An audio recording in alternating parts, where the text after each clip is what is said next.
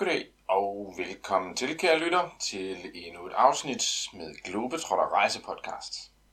I dag et øh, kort afsnit, antager jeg, fordi vi skal besøge et øh, ganske lille land, faktisk det tredje mindste land i verden, nemlig Gibraltar. Og øh, det fortalte jeg også lidt om i mit sidste afsnit, at det vil blive det næste. Og øh, det har jeg nu skrevet færdigt, og vil gerne fortælle jer lidt om. Det er et sted, jeg besøgte af flere omgange, da jeg arbejdede på solkysten i Spanien, og har været der ja, flere gange, end jeg kan tælle, og øh, besøgt det med øh, grupper, som øh, har skulle besøge den her lille klippe, som ligger her syd for Spanien, cirka 100 km vest for Malaga. Det er et, et spændende lille område at komme til, men som jeg måske ikke vil sige er noget, der øh, ligger op til en uge eller to ugers øh, rejse, så skal det i hvert fald være, fordi man godt kan lide også bare at sidde på altanen og nyde en god bog, og, og ikke skal opleve ret meget uden for hotellet. Det er jo selvfølgelig også fint nok. Øh, men det vil være et fint lille indslag på en rejse, hvis man i forvejen er et eller andet sted langs den spanske sydkyst, og øh, kunne lægge turen forbi dette sted. Så lad os kaste os ud i det, og gøre det her afsnit kort og indholdsrigt, så I kan danne jer et indtryk om Gibraltar kunne være noget for jer. Gibraltar hører jo under Storbritannien, øh, selvom det ligger øh, et godt stykke derfra. Det ligger jo den her lille, lille tand, der stikker ud syd for, for Spanien med udsigt over mod Afrika og Marokko.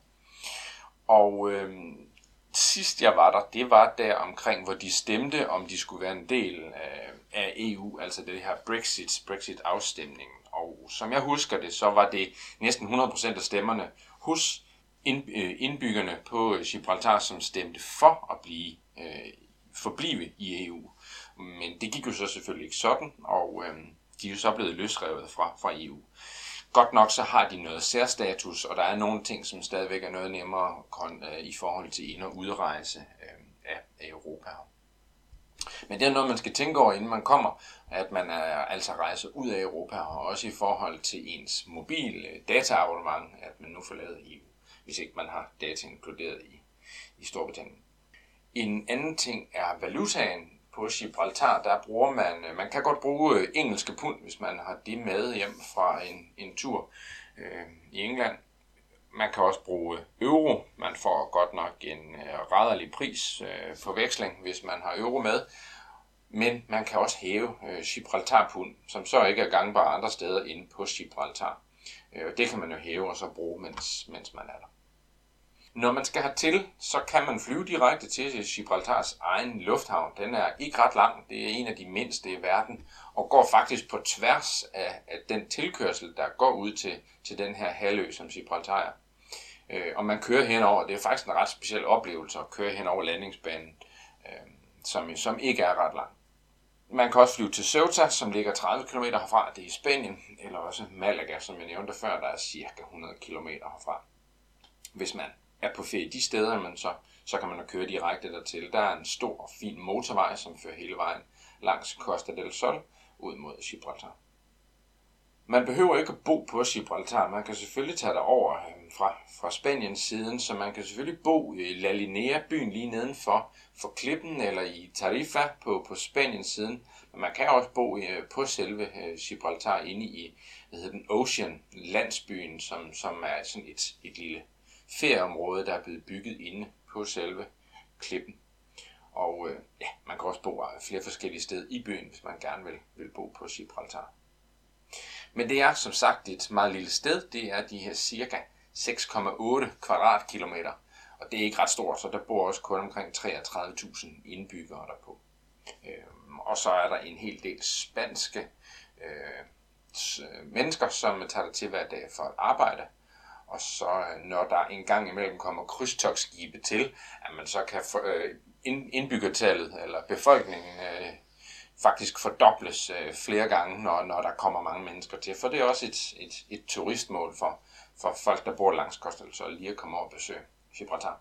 Så, så der kan godt være mange mennesker i perioder, og derfor kunne det jo måske være spændende at prøve at overnatte der og se det lidt fra en, øh, et, et mere roligt perspektiv, når de fleste af turisterne er, er taget hjem og sejlet videre.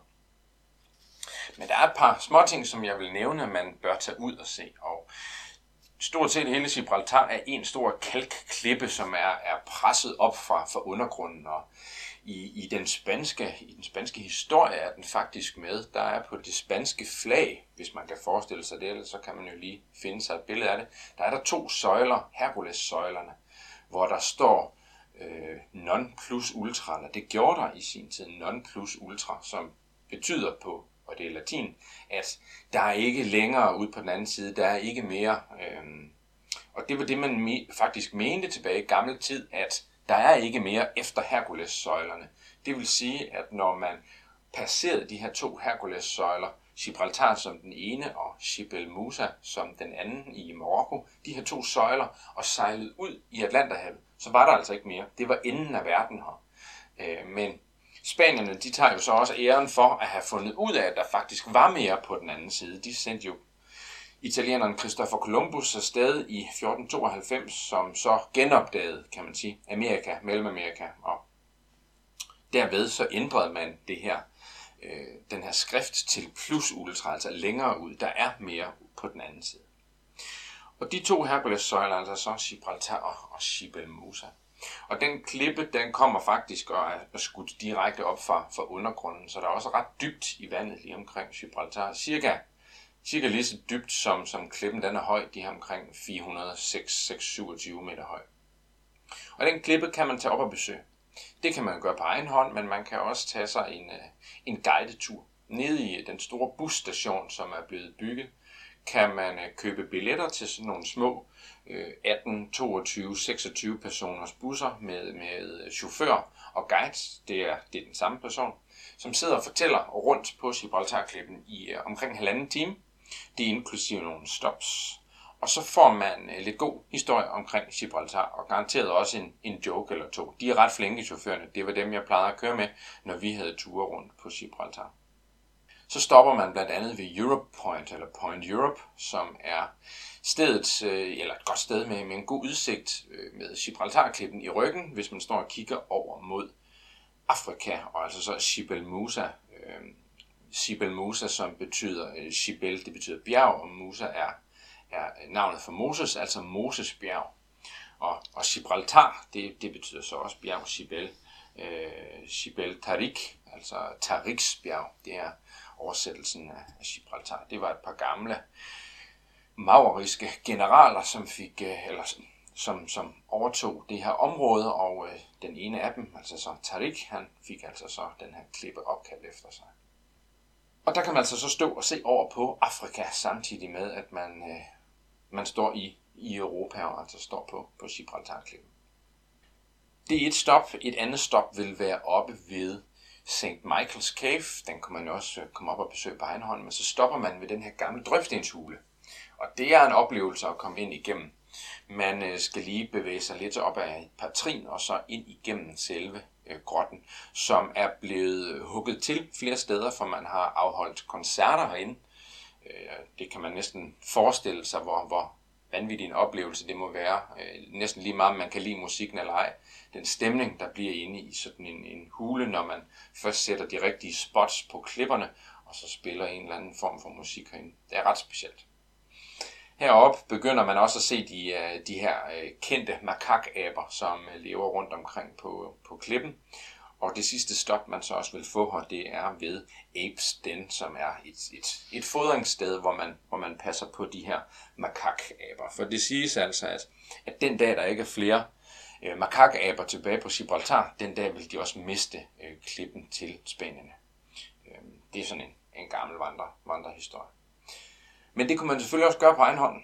Inden fra, inden fra byen kan man tage øh, den her kabelbane op, som, som man kan se, når man kører rundt på klippen. Og så kan man gøre det øh, på gåben. Og øh, i stedet for, at man skal gå hele vejen op på klippen, så kan man tage den op til, til, øh, til de højere luftlag, om man så må sige, og så besøge for eksempel St. Michael's Cave deroppe. Der er også et gammelt maurisk fort heroppe på toppen af klippen, og så er der den her gamle hængebro, Windsor hængebroen, som fører over sådan en stor kløft op. Ret fed udsigt. Der er meget fladt og hele vejen rundt. Det er jo selvfølgelig hav, men også den del af Spanien, som, som øh, leder over til, er forholdsvis flad, så selvom man kun er de her 426 meter over havet, så føles det som om, at man er ret højt op, og man har en, en ret god udsigt hele vejen rundt. Den her klippe, og, øh, og jeg kan også lige nævne igen St. Michael's Cave, sådan en drøbstenshule. Måden de bliver til på er, as, as at når, når det regner på sådan en kalkstensklippe, jamen så over tid så eroderer den her kalksten, og det skaber små lommer i stenen, og som til sidst kan blive til de her kæmpemæssige grotter og huler. Og der er nogle tunneller, som er gamle grotter, udbyggede tunneller, øh, som er brugt under 2. verdenskrig. Dem kan man tage op og besøge. Og så er der nogen, som er endnu ældre, som blev brugt under det, man kalder for den anden store belejring tilbage i slutningen af 1800-tallet. Dem kan man komme ind og besøge. Og øh, der er enormt mange tunneller rundt omkring på Gibraltar. Man siger, at der er, jeg mener, det, det er rigtig, rigtig mange kilometers tunnelstrækning, der er i forhold til en lille bitte ø, øh, halvø på kun øh, 6 kvadratkilometer. Så er der enormt mange kilometer hulestrækning rundt. Og så en sidste ting er selvfølgelig at komme op og besøge aberne. Det, det er sjovt, øh, men det er ikke nogen, man skal tage op og, og fodre og den slags. Øh, de, er, de er vilde dyr, og der er folk, som er ansat til at, at passe på aberne. Men det er sådan en, en, en ting, man også bør se, når man øh, besøger Gibraltar. Byen, som øh, ligger her nedenfor og sådan halvvejs op af klippen, er også værd at besøge.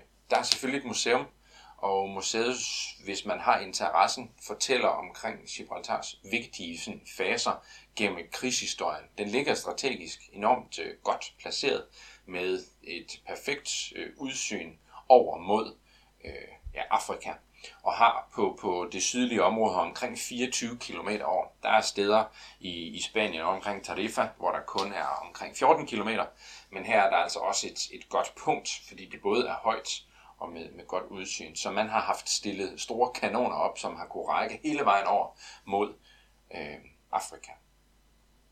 Nede i byen er der en lille botanisk have, som man kan gå igennem, og ellers så er der gågaden, som, som starter ved John McIntosh Square.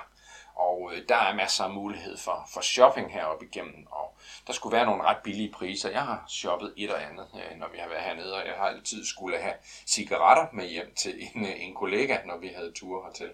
Han har bare masser af camel, så, så det var en fast ting, man skulle købe med hjem, da man kunne købe tolvfrit med hjem fra, fra Gibraltar.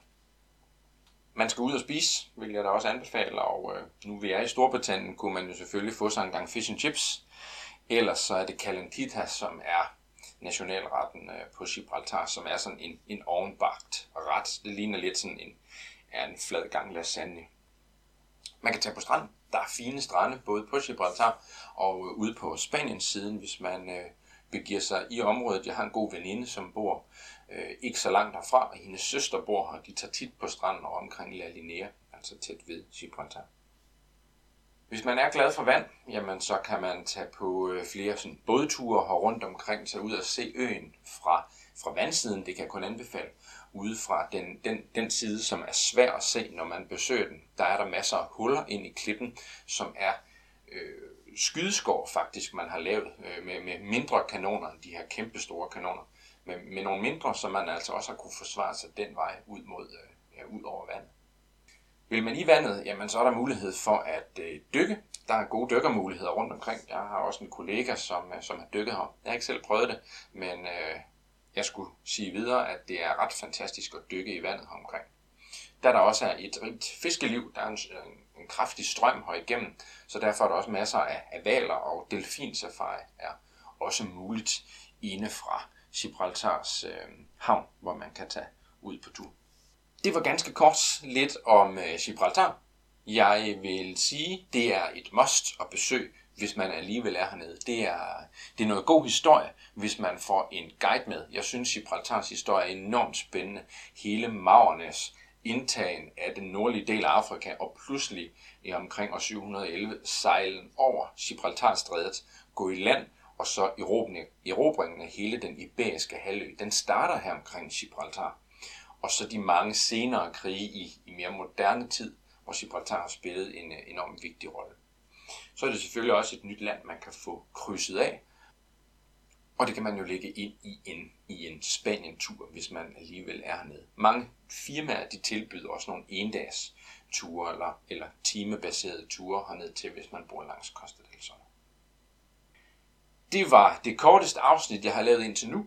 Hvis man øh, har lyst til at følge med i, hvornår der kommer flere afsnit, jamen så gå ind og find gruppen på Facebook, Globetrotter Rejsepodcast, hvor jeg altid vil lægge op, når der er en ny, nyt afsnit undervejs. Der kan man øh, følge det hele. Man kan også skrive til mig. Ellers så øh, vil jeg også sige, så må man meget gerne gå ind og smide en, øh, en, øh, en anmeldelse inde på for eksempel iTunes. Ikke at, øh, ikke at det gør den store forskel, men alligevel for mig, at min, min rating kommer op, og at jeg dermed så bliver mere synlig for dem, som kunne tænke sig at følge med i min podcast. Så har du lyst til det, så må du meget gerne gøre det. Ellers vil jeg bare sige tak, fordi at du gad at lytte med. Vi høres ved igen i næste afsnit. Hej hej.